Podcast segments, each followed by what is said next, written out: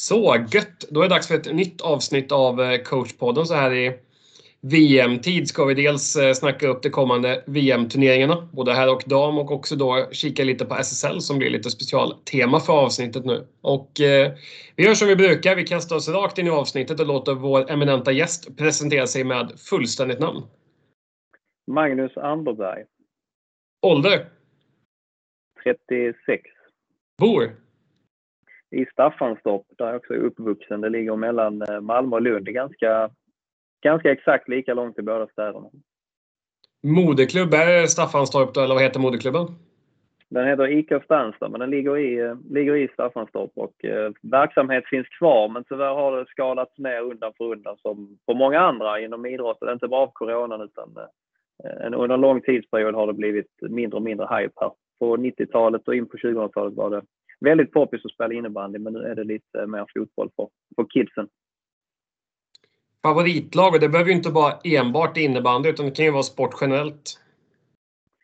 Ja, men jag har väl i alla tider följt eh, de eh, lagen som finns i närheten här, både Malmö FF och, och MIF. Jag spelade hockey själv som ung och, och följde, följde det slaviskt då innan det blev innebandy. Och sen Manchester United har jag alltid eh, hejat på. Kanske tappat intresset lite grann för internationell fotboll nu med, med VAR och andra saker som eh, man kanske kan ifrågasätta. Men eh, Manchester United ehm, utomlands. Och om man tänker din egen innebandyresa, hur är den om man skulle summera den lite kortfattat? Om vi börjar liksom, hur, hur mycket liksom har du själv varit aktiv inom innebandyn? Ja, jag började spela när jag var, jag har aldrig blivit klok på exakt hur gammal jag var, men 11-12 någonting. Jag slutade på hockey och en kompis drog med mig på innebandy och det kändes som ett bra substitut eftersom man fick ha en klubba i handen. Och sen ehm, um, spelade jag i, ehm, i min moderklubb här Stansta, till, till studenten och sen blev det sju år i, i SSL med FC Helsingborg och sen uh, har jag spelat lite grann i Stansta från och till efter det beroende på jobbsituationer och hur sugen man har varit. Och tränarmässigt har jag haft några tränaruppdrag? Ja, men jag tränade ungdomslag här under uppväxten. Man tränade de som var ett par år yngre när jag gick på högstadiet. Eh, och sen var jag även med i distriktslaget här under en, ehm, eh, när SM gick i Helsingborg. Det var de födda 95, 96 och Jonathan Nilsson och Skoglös och de här som sen har spelat eh, SSL innebandy för Helsingborg. Sen tränade jag Helsingborg eh, herrar i SSL i, i två och en halv säsong. Jag kom in mitt i en säsong och hade två hela säsonger. Och om man tänker det du är aktiv med kring idag, att eh, framförallt i kommenteringsbåset då och kommentera matcher men även då börjat eh, publicera väldigt intressanta bitar på sociala medier. Du både har egna reflektioner om SSL här och SSL dam och intervjuat flera personer. Domare också. Jag såg att eh, eh var det Wisman som var med senast nu?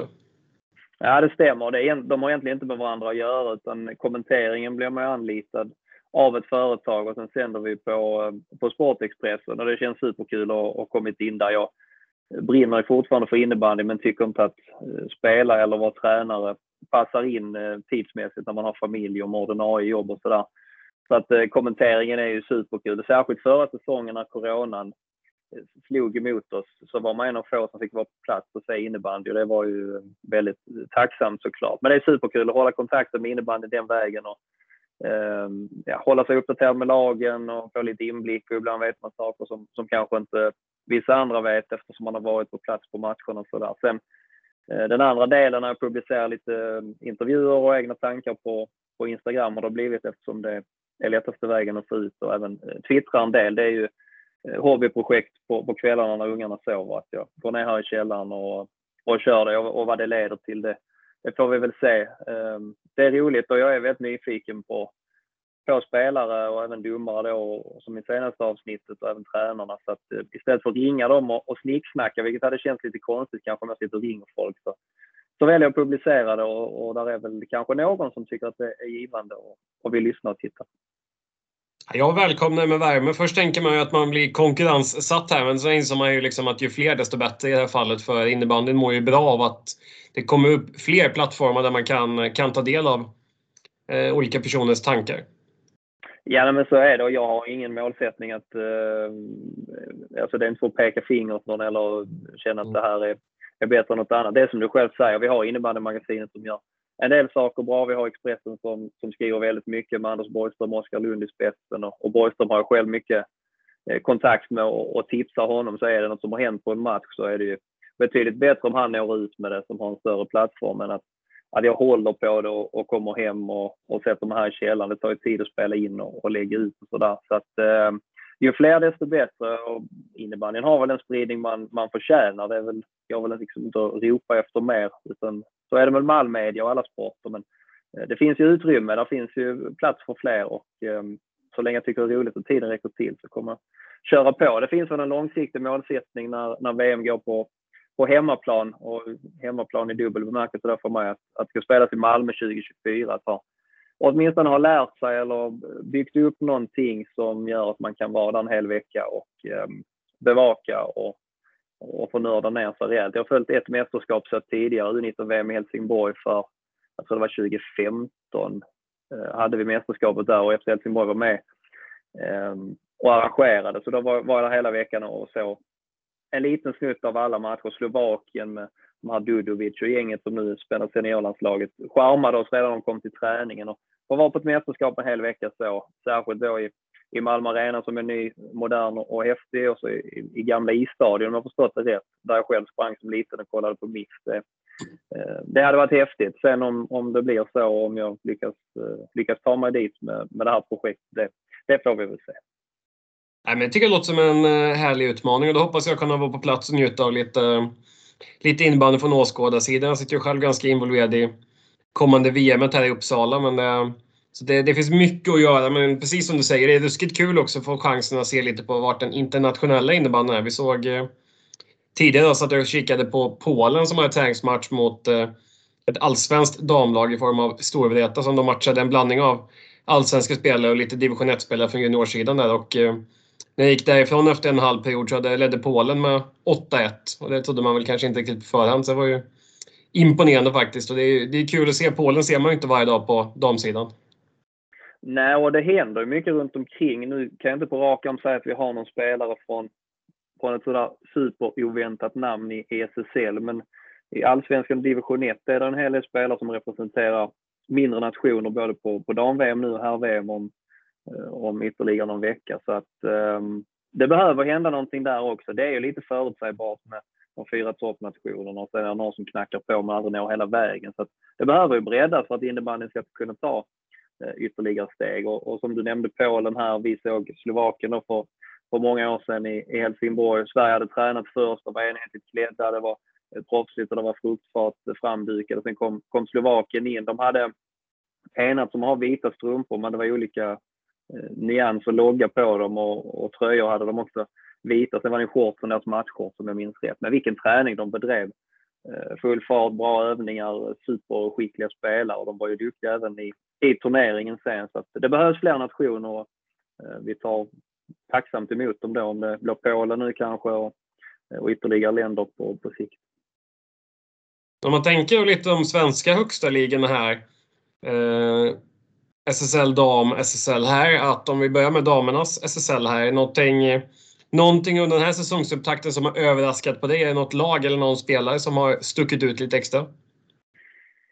Nej, tabellen. Jag har tabellen framför mig här och tjuvtittar på den så att jag inte sitter och hittar på. Men eh, det är väl hyfsat förväntat. Terränggruppen ser helt, helt magisk ut. Nu har de ju trappat av lite sista veckorna, men jag tror också eh, landslagsturnering och sådär gör att hela laget åker mm. iväg. Så jag, och, och cupfinalen och dubbla matcher två helger i rad. Jag tror de kanske hade lite dåligt med energi kollektivt på slutet där och gick och väntade på VM. Men tio raka över tio gjorda mål per match är ju, det är bara att applådera. De vann cupen dessutom. Pixbo ser också starka ut. Nu har de någon match färre spelade, men där var hack i häl eh, när alla har spelat lika många. Sen, sen är det väl ganska väntat. Falun har gått lite sämre än förväntat kanske, bytt tränare, men de har ju också många nya spelare. De behöver ge det tid ibland. Det är inte alltid en massa fina nyförvärv gör att det, det rullar automatiskt. Så att, eh, Sen är det skiktat. Men Lund och Jönköping hade ju åkt ur förra våren om man inte hade fryst upp och nerflyttning. Eh, tyckte Jönköping såg ganska pigga ut mot just Lund när jag kommenterade den. Men, eh, och likadant Lund var ju, höll ju siffermässigt jämnt mot Thorengruppen men det gav inga poäng. Och de, de tycker kanske, eh, jag har hört när man pratar med personer i, i Lund, både spelare och ledare, att man känner sig bättre som lag detta året med ett par tuffa skador poängen måste in också. Jag ser liksom inte att de lagen ovanför Nacka möjligtvis eh, skulle kunna bli indragna där nere, men det skiljer redan fyra poäng. Och så himla ofta tar inte de här lagen poäng så att eh, differenserna kan hämtas in. Så ganska förväntad tabell. Spelarmässigt är det ju eh, förväntade namn i toppen. Sen måste man ju lyfta på hatten för Wilma Johansson som bytte, bytte klubb i somras. Så, eh, poängsnittet i Rönnby senaste månaden är ju helt utomjordiskt. Hon har gjort 6, 7, 8 poäng i någon av matcherna. Liksom, sådär. Så att, eh, men tabellen som helhet är förväntad och poängligan eh, någorlunda också.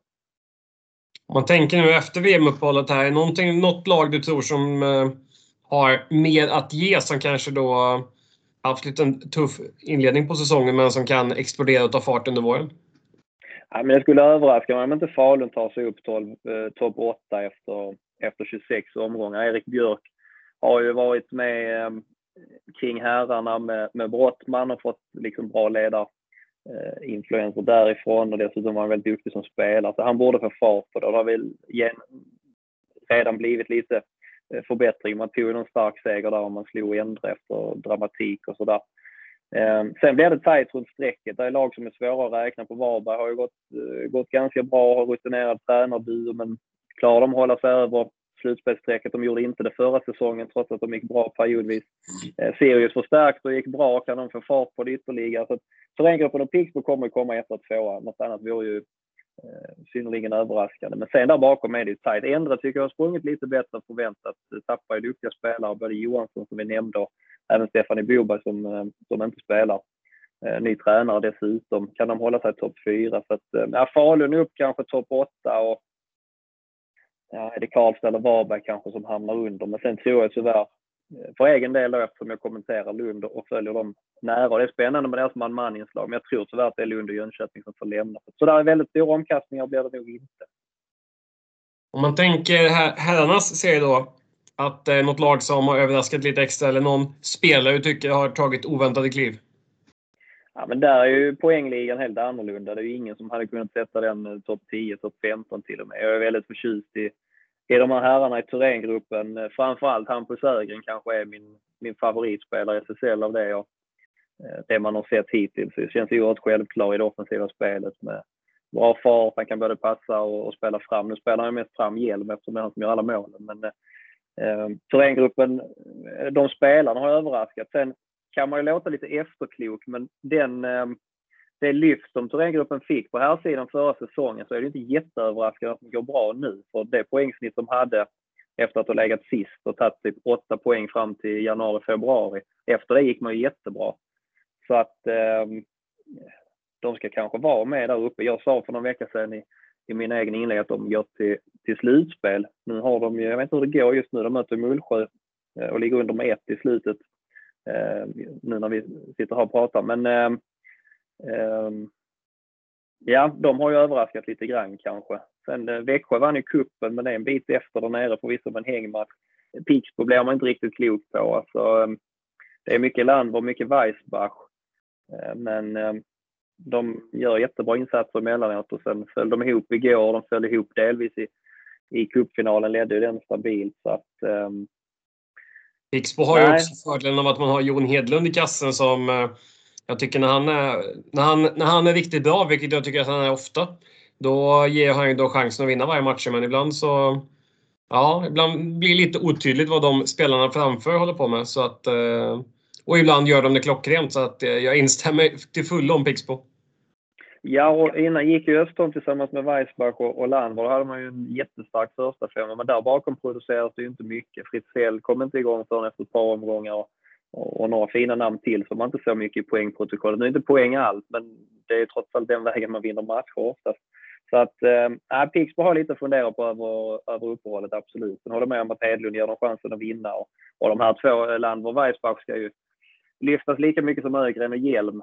Eh, absolut. Så att, eh, sen i botten är det ju Djurgården tycker jag har gjort väldigt många saker bra, men jag tror helt enkelt inte att att truppen är tillräckligt stark. Alltså ibland kan det vara så. Fast är man med i så många matcher så är det ingen slump att man förlorar med, med ett, två, ibland tre. Det har runnit iväg någon match också, absolut. Men stå på noll poäng efter tio matcher. Bara gjort 37 framåt, det är mindre än fyra i snitt. Det, det kommer inte räcka. Sen Sirius är ju, där du kanske bättre insyn och kan ge en bättre bild som är verksam i, i Uppsala-trakten. Eh, men eh, det är en besvikelse sett till hur de emellanåt faller ihop. Jag såg det mot Helsingborg, ledde 2-0, gjorde en jättebra första period för att vara bortaplan och utsatt läge, men sen föll man ihop så att det, det, så får det inte se ut liksom. Så att, eh, jag är inte säker på att truppen är så mycket bättre, men det får inte bli eh, tio var och varannan vecka i, i skillnad. Liksom.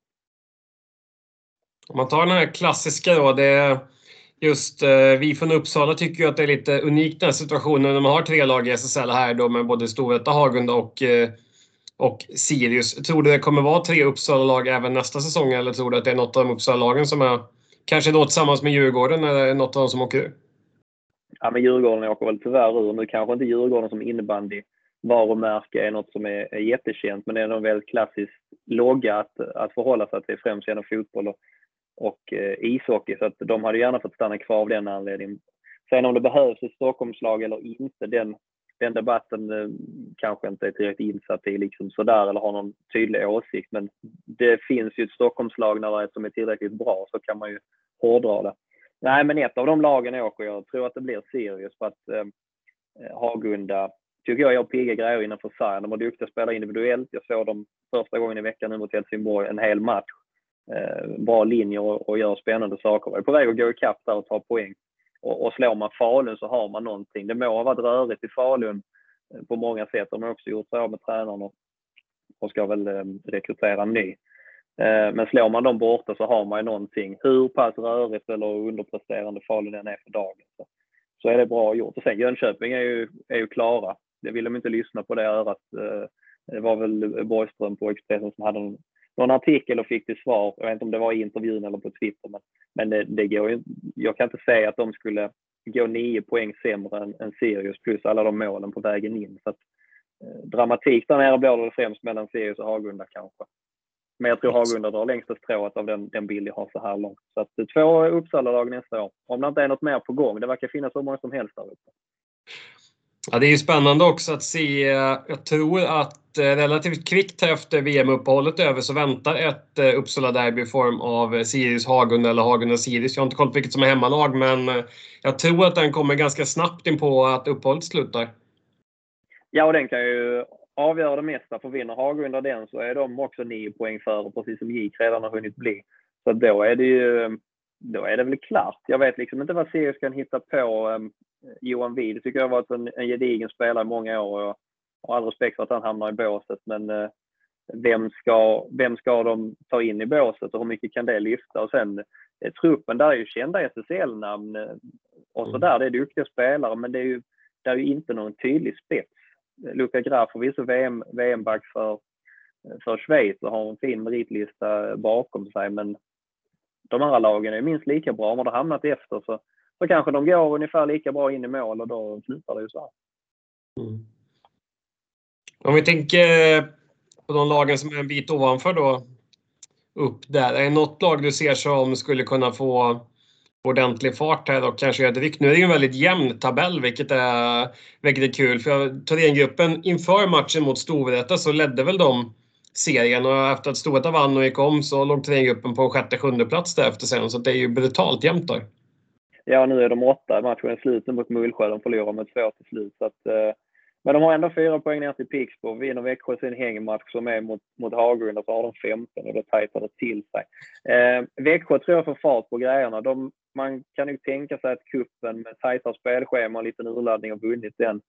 Eh, kostar några poäng i SSL. Eh, Ekengren missade ett par matcher. Det var ett väldigt bra nyförvärv inför. Adam Nilsson visade igår att han kommer att göra en hel del mål för de fyra mål i första SSL-matchen och, och, på det sätt han gjorde dem också, vissa av dem.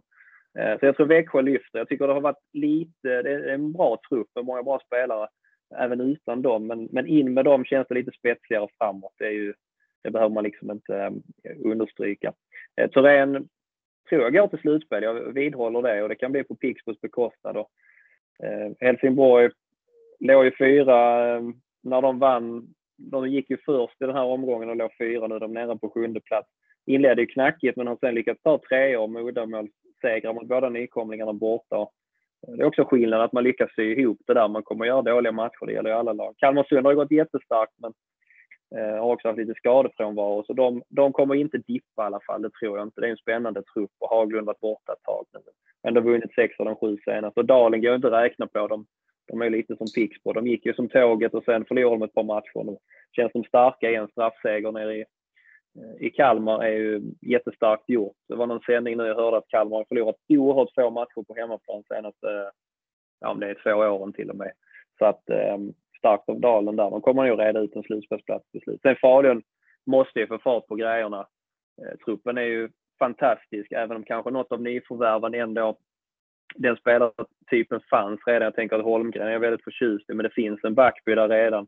Emil Nielsen kanske påminner en aning om, om Emil Johansson. Sen kan man ha mer än en femma och, och sådär. Och några nyförvärven behöver ju få komma igång, bland annat Nielsen då. Men Falun kommer ju lyfta. Och, eh, Storvreta ser också stabil ut. Linköping är en liten överraskning. Tyckte det såg lite ut som ett frågetecken inför och efter 5-11 mot Thorengruppen här för en månad sedan ungefär så var det ju eh, ja, då undrar man ju liksom. Det har gått jättefint sen dess. Blivit tråkigare som vissa säger och kanske funderat mer på resultaten och utvecklat spelet. Men poängen måste in. Alltså ingen, ingen kan klandra någon annan för hur man spelar. Så att, eh, och sen Mullsjö måste jag också eh, ge cred. Frankell har missat ett par matcher.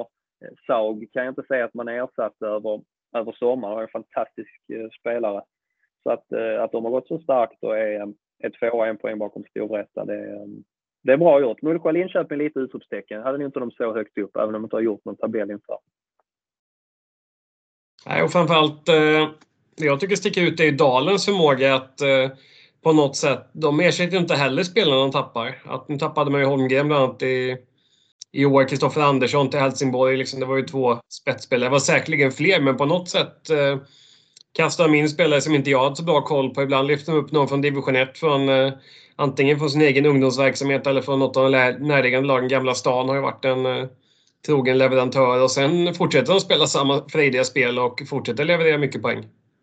Ja, men helt rätt. Jag gjorde Dalen mot, eh, mot Växjö för någon vecka sedan och gick igenom några av spelarna. Det är som du säger mycket Gamla stan. Det är väl Skellefteå-trakten va? Mm. Eh, många därifrån och framförallt tycker jag de ser oerhört vältränade ut. De, eh, de ser gedigna och vältränade ut. Och, eh, det gjorde de mot Höllviken förra säsongen. Nu var det ingen värdemätare för Höllviken var ju ganska ljumna under fjolåret. Men eh, jag sa det när jag bara körde i 60 minuter sa jag till Urban Karlsson efter. De ser riktigt vältränade ut eh, spelarna. Så de är rustade för att springa mycket och sätta mycket fart på matcherna. Och Emil Wiklund får man stoppa in i den här eh, potten med unga spelare som ser jättespännande ut. Så att, eh, men imponerande av Dalen, jag håller med. Bra målvakt längst bak, men de gör också mycket av okända nyförvärv och få dem att smälta in. Så jag är helt enig där. Om man tänker då liksom SSL här, om vi tar bort lagen som du kanske jobbar med form av kommenteringen här. Det är väl framförallt eh, Helsingborg, Lund och Malmö om jag inte är helt fel på det. Men eh, om du får välja ut något lag du ska följa lite extra här som du tycker har något riktigt spännande på gång i respektive här respektive dam där. Vilka lag sticker ut då som du ska följa lite extra? Ja, men jag är lite sådär eh, smygsvag för Thorengruppen på här sidan. Jag tycker det är häftigt om de kan ta sig till slutspel och, och den förvandlingen därefter har legat så oerhört pyrt till. Och eh, bytte, bytte tränare. Nu var inte tränaren grejen, det har jag förstått när man pratat med spelare och sådär, att Daniel Jernberg som nu är på damsidan gjorde ett jättejobb. Men det behövdes en ny röst och så är det ibland att det inte liksom passar för stunden. Han gör det jättebra med damerna nu, så det är inte så att han ska kritiseras. Men deras förvandling är ju häftig. Och sen vill man ha ögonen på om, om Pixbo kan reda ut det. För eh, när jag växte upp så var ju Pixbo liksom det starkaste varumärke vi hade. Nu för tiden är det ju, det är ju liksom ganska um, slätstruket säsong efter säsong. De missar ju slutspel emellanåt och, och går inte till semi liksom på, på evigheter. Så att, eh, eh nej, men de två, nu ligger de åtta och nio i den tabell jag har framför mig som förvisso saknar Växjös hängmatch som sagt. Men eh, han får bli de två på här sidan då. Eh, på damsidan tycker jag det är spännande med Malmö. Jag fick inte nämna dem, men de har också spänt bågen lite grann år efter år. Och tycker inte de har kommit igång riktigt heller. Det är en del spelare som behöver eh, få fart på, eh, på det hela. De ska ju gå till slutspel med den truppen de har med, med finskorna och, och några tjeckiska och, och Ellen Rasmussen, Maja Ekström med, med flera. Um, ja, Ändra har jag nämnt tidigare. Kan de fortsätta så här så är det bra gjort tycker jag med tanke på alltså Vilma Johansson och Stefanie Boberg är, är toppspelare man blir av med inför säsongen.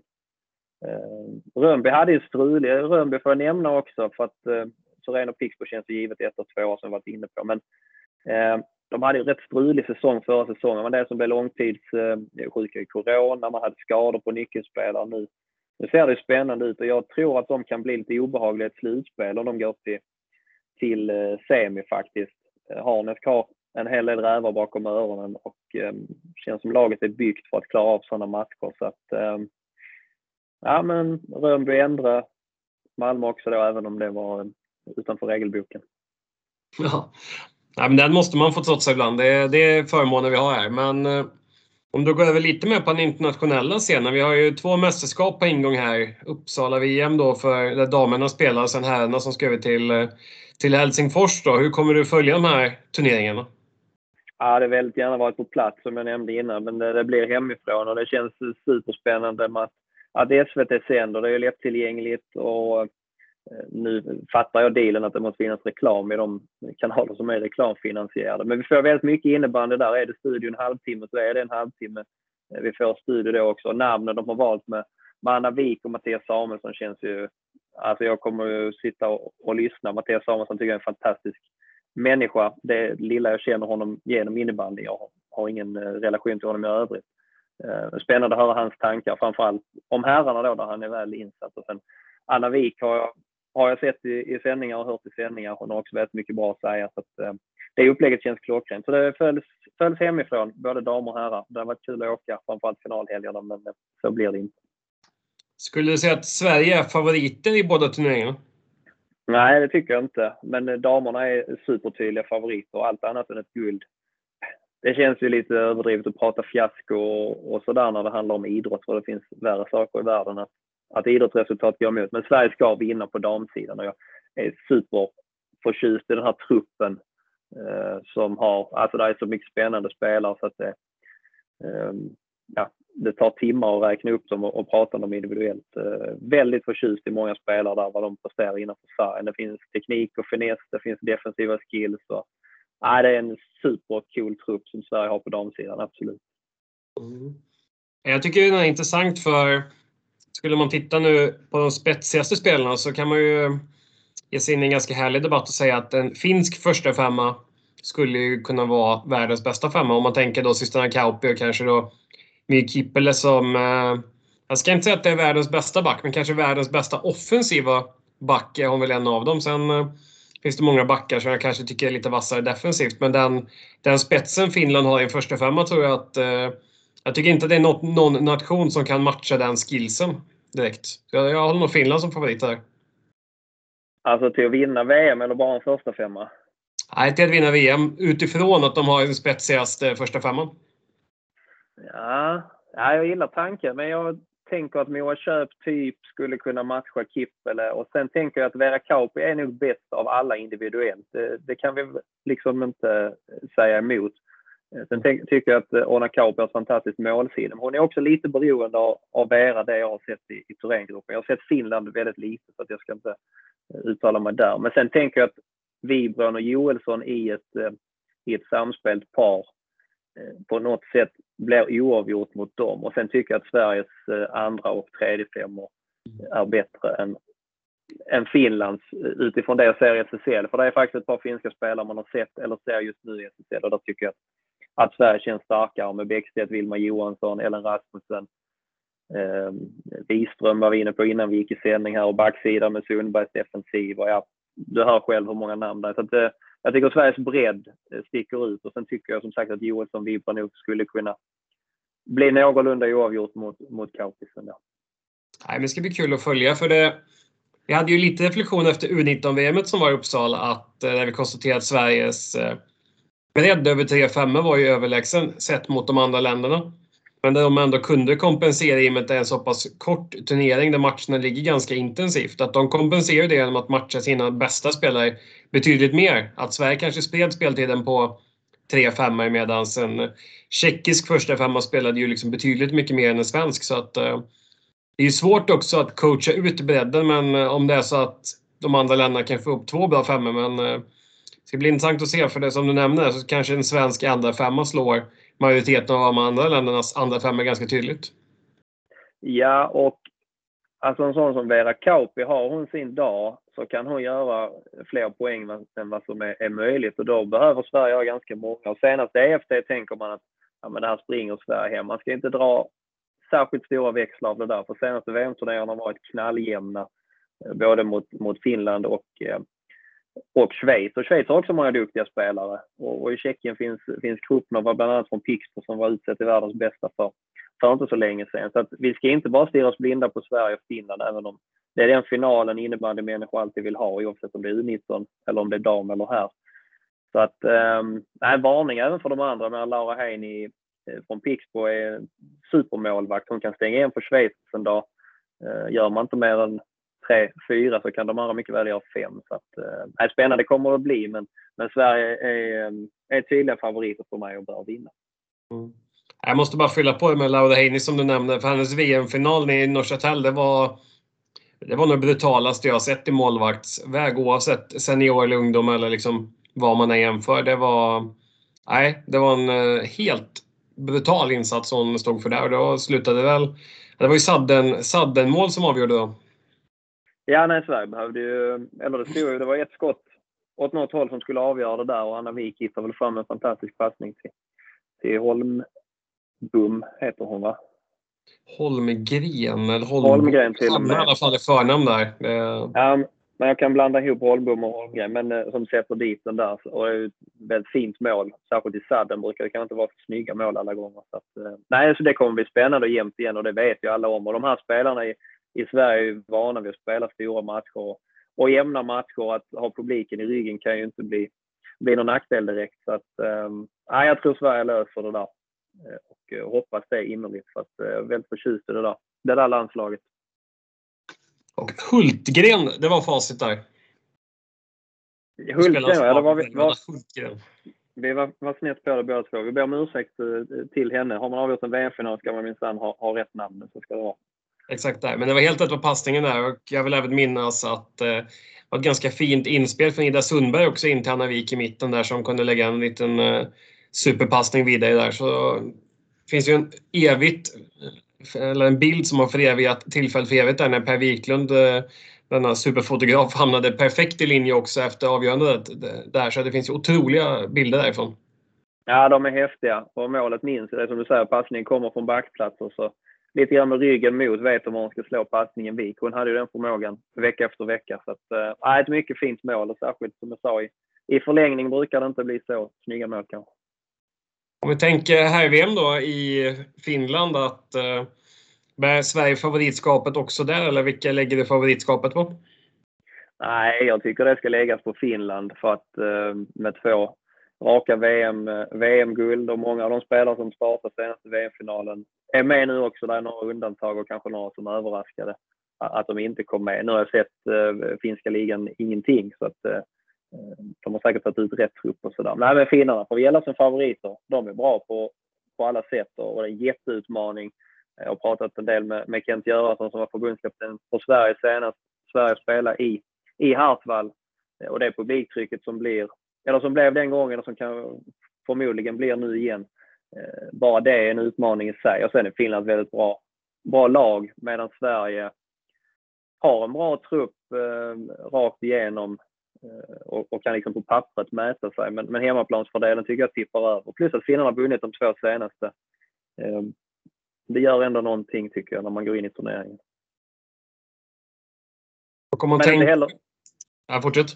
Nej, inte heller där ska vi glömma eh, kanske framförallt Tjeckien som nog knackar på och kan göra det. Det har varit jämnt även i semifinaler för Sverige och Finland på vägen fram eh, genom åren. Så att eh, tjeckerna ser jättespännande ut. Slog ju Sverige senast, även om EFT det går inte att dra några växlar direkt. Det mörkas lite grann och det, det är vad det är liksom. Men, eh, men Tjeckien tycker jag ser jättespännande ut. Schweiz såg ju lite mer ljumna ut senast. Och, mm. Eh, vet inte riktigt var man har dem kanske, även om de tagit steg med, med Jansson som, som förbundskapten under åren. Så ja, framförallt Tjeckien tycker jag knackar på där, kan mycket väl skrälla. Även om det är någonting annat att vinna en semi i VM än att springa och vinna en EFT-match såklart.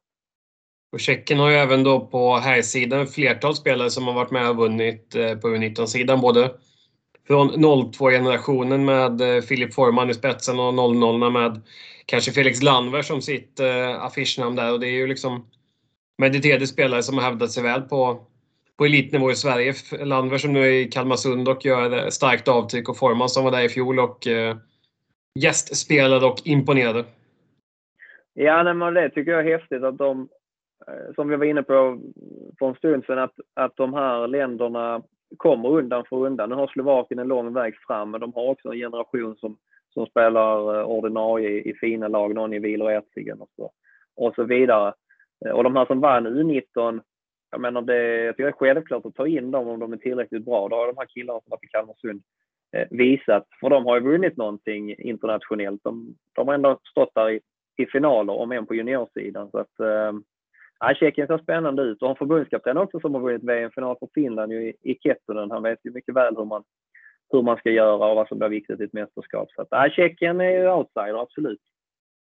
Det är också kul med Kettunen i Tjeckien där, för det var ju lite rabalder när han kom in där, att det var flera spelare som valde att eh, inte fortsätta och det var lite protester och skriverier. Inte att jag, jag kan säga att jag har någon jätteinsyn i debatten men där har ju Tjeckiska innebandyförbundet backat honom och hans ledarskap och liksom eh, det är ganska häftigt liksom att det har säkert varit en milstolpe i deras landslagsresa, de förändringarna som det har medfört.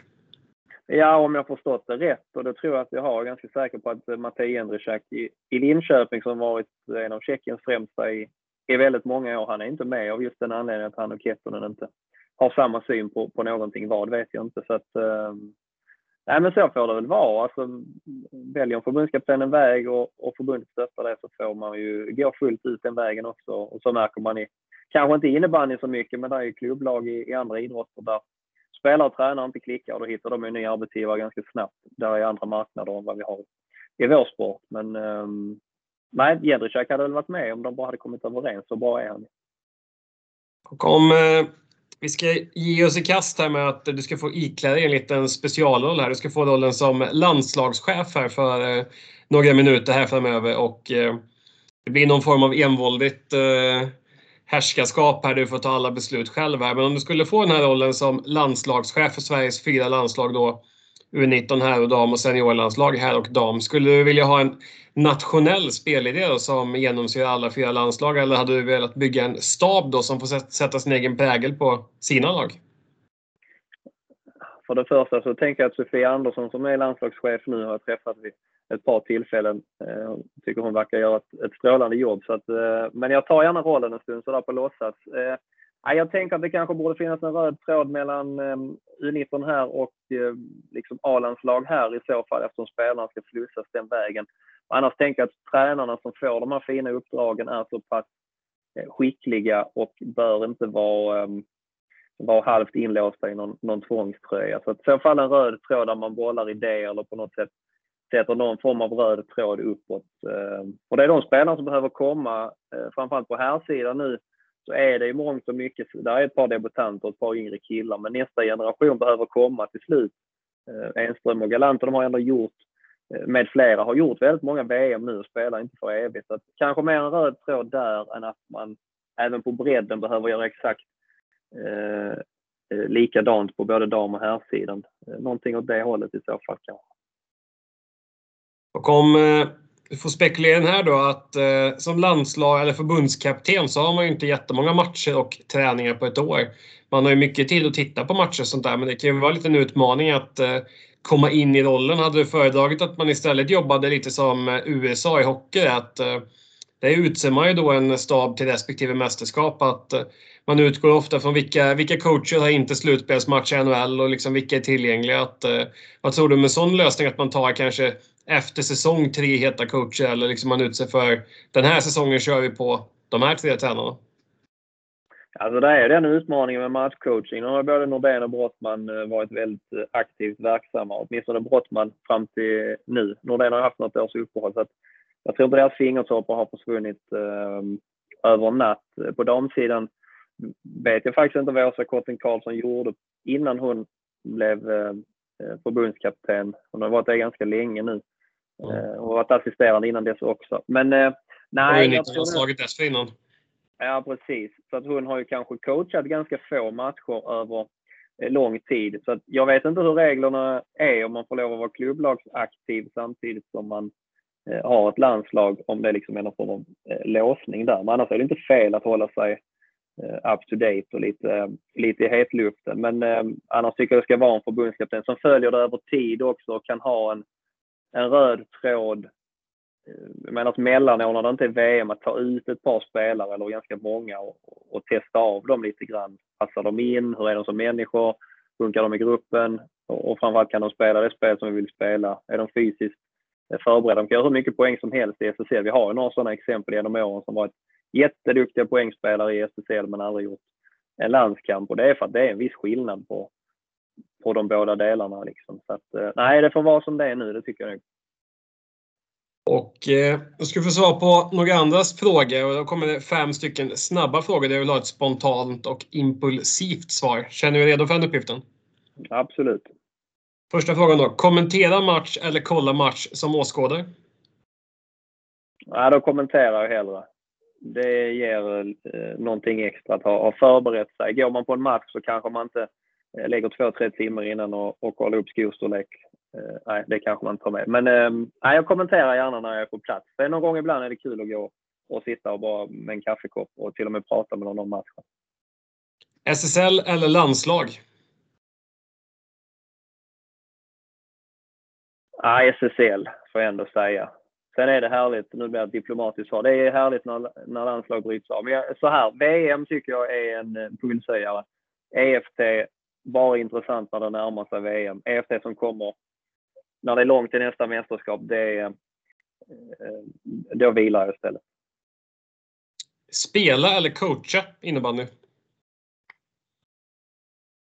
Ja, det var ju så hemskt olika upplevelser att vara spelare. Det var mycket svårare och jobbigare mentalt att vara, att vara tränare. Men jag tyckte också det var absolut, när vi väl lyckades med det som vi ville, vi gick till semi ett år med Helsingborg, där det, det är mitt bästa innebandyminne. Så jag får nog ändå säga coacha, för det är där jag har mitt, mitt bästa innebandyminne spontant. Innebandy på hösten eller innebandy på våren? Nej, det får bli på våren. Det drar ihop sig. Det är kul med premiären, men sen kan det också vara lite sömnigt där ett tag när det kan vara omgångar ibland där det inte är någon match med puls i utan det är ganska förväntat. Men sen när det drar ihop sig där, när något lag ska åka ur och lag ska gå upp i de andra så vi ska inte bara eh, prata SSL eller så, allsvenskan och vilka som går upp och sen slutspel. Alltså slutspel är det, är det absolut bästa som finns. Eh, finalen är crescendot men eh, de här bästa sju serierna är ju, ja det är något alldeles extra. Sista frågan då. Västkusten eller östkusten? Ja. Tänker du innebandymässigt då eller åka på semester? Jag tänker eh, mer semesterstuket där. Jag får nu säga östkusten. Jag åker nog hellre upp mot, mot Stockholm än, äh, än, äh, än andra sidan. Det var ju ganska intressant ändå. Västkusten med just äh, Skåne och Halland där brukar ju vara extrema västkustpatrioter tillsammans med Göteborg där. Men det, ja, det, det var överraskande tycker jag. Ja, jag har kanske sett en del mycket. Jag bodde i Helsingborg ett par år. Jag har inte varit i Göteborg jättemycket, men har ändå varit i Varberg från och till med innebandyn och, och sådär. Jag är svag för Stockholm, tycker att det är en väldigt fin stad och har varit där för lite. Så att, uh, av den anledningen får det väl bli östkusten. Ja, men det, var ett, eh, det var ett spännande val och eh, sista segmentet då, då får du också ikläda dig en, eh, en hedersam roll. Eh, jag vet inte om du vill sätta dig själv i någon eh, tränarroll där, men eh, det är att du får chans att plocka ut din egen drömsexa. Det vill säga en målvakt och fem stycken utspelare och då någon, även då kanske någon ledarstab om du tycker att det, det passar till. Ja, jag fick ju det här skickat till mig innan ska vi vara tydliga och säga Jag började fundera lite när jag stod och lagade mat i eftermiddag. Men eh, Målvakt tyckte jag var eh, svårt. Jag sparar den eh, tills vidare. Men jag väljer, jag spelar klassisk eh, 2-1-2 eh, med en center. Vi har Peter Persson, numera Ramsten, min gamla lagkamrat, mest känd för sitt långa hår. Vi spelade många år ihop och eh, hade väldigt roligt ihop. Och han var också en fröjd att spela med för han hade en förmåga att ge mig tid och plats när jag behövde bollen i fickan. Och det löste han med, med bravur. Sen var ju Haninge Haninges framgångsera där var ju väldigt, eh, det var ju det första man kom i kontakt med lite sådär via, mm. via tidningar, de här innebandytidningarna och, och även det lilla som visades på TV. Så Johan Davidsson tyckte det var en fantastisk back och, jag tycker det optimala backparet är en leftare till höger och en rightare till vänster. Åtminstone i utgångsposition. Så de får bli backpar. Sen blir eh, Linus Nordgren center. Han är, Eh, han är min absoluta favoritspelare inom innebandyn och det känns lite märkligt. Vi har ju liksom växt upp, förvisso med några års eh, skillnad. Han var en liten knatte när jag dömde och sen kom han upp till Helsingborg som, som liten valp. Vi hämtade honom och sen till slut så tog han över min plats i powerplay och uh, allt möjligt. Men jag tycker han är fantastisk. Han, han har någonting i ryggmärgen som gör att när bollen hamnar hos honom så händer det något, um, något väldigt spännande. Um, nästan jämt. Han har haft en ganska ljummen höst förvisso, men eh, som helhet tycker jag han är fantastisk. Och sen framåt spelar jag eh, Rasmus Enström till vänster. Eh, han har varit jag tycker han har varit otrolig alla år man har följt honom och framförallt hans, hans bredd. Han kan både göra mål, han kan passa, han spelade lite back förra säsongen även om han nu är bättre som forward och sen oerhört sportslig spelare. Gnäller sällan, biter ihop och kör och, och hela den där biten. Så att han, eh, han är en spelare jag gillar, gillar skarpt. Sen som högerforward har det också varit lite svårt. Det är några att välja på. Kim Nilsson är fantastisk men kanske ett lite, eh, lite självklart eh, val sådär. Så att eh, jag landar nog ändå in på... Eh, ja, den är knepig alltså. Det är ju ändå Kim Nilsson kanske på, på något sätt. Han är oerhört komplett och gör det, gör det vansinnigt bra. Men jag gör, eh, jag gör en rokad här och nu och faller tillbaka på, på Haninge-spåret. För min första idol inom innebandy var Johannes Gustafsson. Så han blir center och så får Nordgren gå högerforward det kan han eh, göra även om han är bättre som center. Och sen längst bak så går jag också på Helsingborgsspåret eh, och väljer Mattias Andersson som var målvakt under mina år som, som spelare där. Vi hade emellanåt ett ganska bra lag, men några år hade vi också ett lag som inte var på pappret så starkt, men han vann väldigt många matcher åt oss. Tyvärr för hans del var det målvakter som var bättre, så att antal landskamper och, och VM blev ju, ja, VM blev det inga alls och landskamperna ganska få. Men han var ju toppen seriös, alltid vältränad, oerhört bra människa i omklädningsrummet och eh, som sagt vann många matcher åt oss. När det begav sig. Nu är ordförande i Helsingborg och gör, gör det bra också. Ja, men det är kul. Det är fler som behöver ta de, eh, de resorna efter att man avslutat sin spelarkarriär. Antingen som, eh, som organisationsledare i föreningen eller som, eh, som ledare. Det, så det, det hyllar vi, den typen av aktiv, val efter karriären. Ja, men absolut. Men det är en bra, bra människa rakt igenom så att han, jag tror han fyller den stolen ganska väl. Jag är inte så insatt i hans dagliga ordförandearbete där, men klubben hade ju problem ekonomiskt och han var med och redde upp det ihop med, med Fredrik Aselius som var spelare och klubbchef. Så att, eh, jag är säker på att han gör ett bra jobb där också.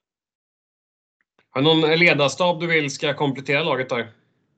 Ja, den är lite mer, mer given, får jag säga. Jag har fantastiska tränare genom åren och och det var ju det som gjorde att man fortsatte eh, spela. Min första innebandytränare eh, heter Magnus Nilsson. Han var målvaktstränare i Helsingborg ett par säsonger men är inte så, så känd i övrigt. Eh, fantastisk eh, människa och just som ungdomsledare lärde han oss både att spela men framförallt det här med, med värderingar, hur vi var mot varandra, la han mycket vikt vid. Så att, eh, jag kommer ihåg att jag var väldigt, väldigt ledsen den dagen han lämnade vårt pojklag för att bli herrlagstränare. Jag unnade honom det, men det var en, en sorg just ett par timmar efter det beskedet. Eh, sen blir det två herrar där bredvid som har jobbat tillsammans under en säsong om jag minns rätt i Helsingborg. Nordén var en, en i den ledarstaben, men han, honom väljer jag inte för han har inte haft som, som tränare.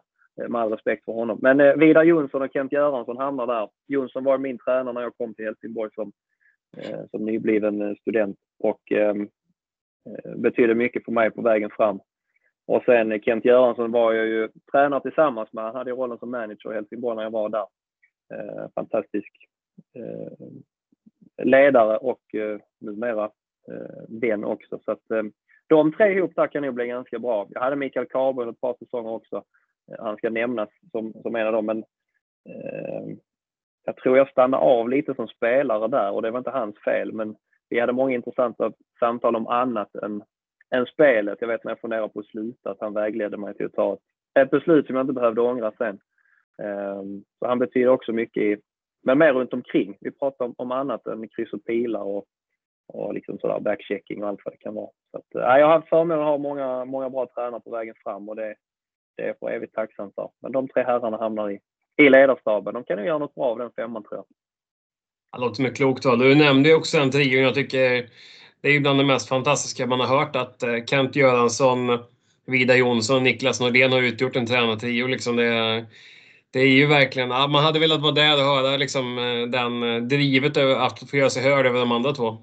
Jag tycker det är... Ja, jag, jag slutade den våren där eh, 2011 men bodde kvar i Helsingborg ytterligare ett år efter ett jobb som, eh, som gjorde att jag blev kvar. Så att jag var ju ganska ofta på, på matcherna och även en del träningar när man eh, svängde förbi sådär. Så det är ett, eh, ett kul gäng. Kanske, jag vet inte, jag har aldrig frågat men kanske att det blev lite för många kockar till den där soppan. För som du säger, de vill ju ha utrymme. Det finns Eh, bevisad kunskap hos alla tre. Så att kanske, kanske lite för mycket av det goda. Det gick ju bra det året. Sen var ju en straffläggning från att eh, slå ut Falun och gå till semi. Så att, um, det var inte så att de underpresterade tillsammans. Men um, häftig, häftig trio och um, intressanta människor, både var för sig och tillsammans. Och jag ska vara tydlig också med att jag, jag hyllar alla tre. Alla har tidigare tagit sig tid att medverka i podden och det är fantastiskt duktiga och härliga personer. Så att det, det är ingen kritik så. Det är mer liksom den här roliga kombinationen av, som vi sa, där många kockar i en soppa. Liksom, att eh, det är alltid kul att se om det faller väl ut. Men väl ut följer i alla fall din drömuppställning. Det var en fantastiskt härlig uppställning och en blandning av olika eror och epoker inom eh, innebandyn. Och eh, med det sagt, stort tack Magnus för att du tagit dig tid att medverka i coachpodden. Stort tack för att jag fick vara med. Det var trevligt.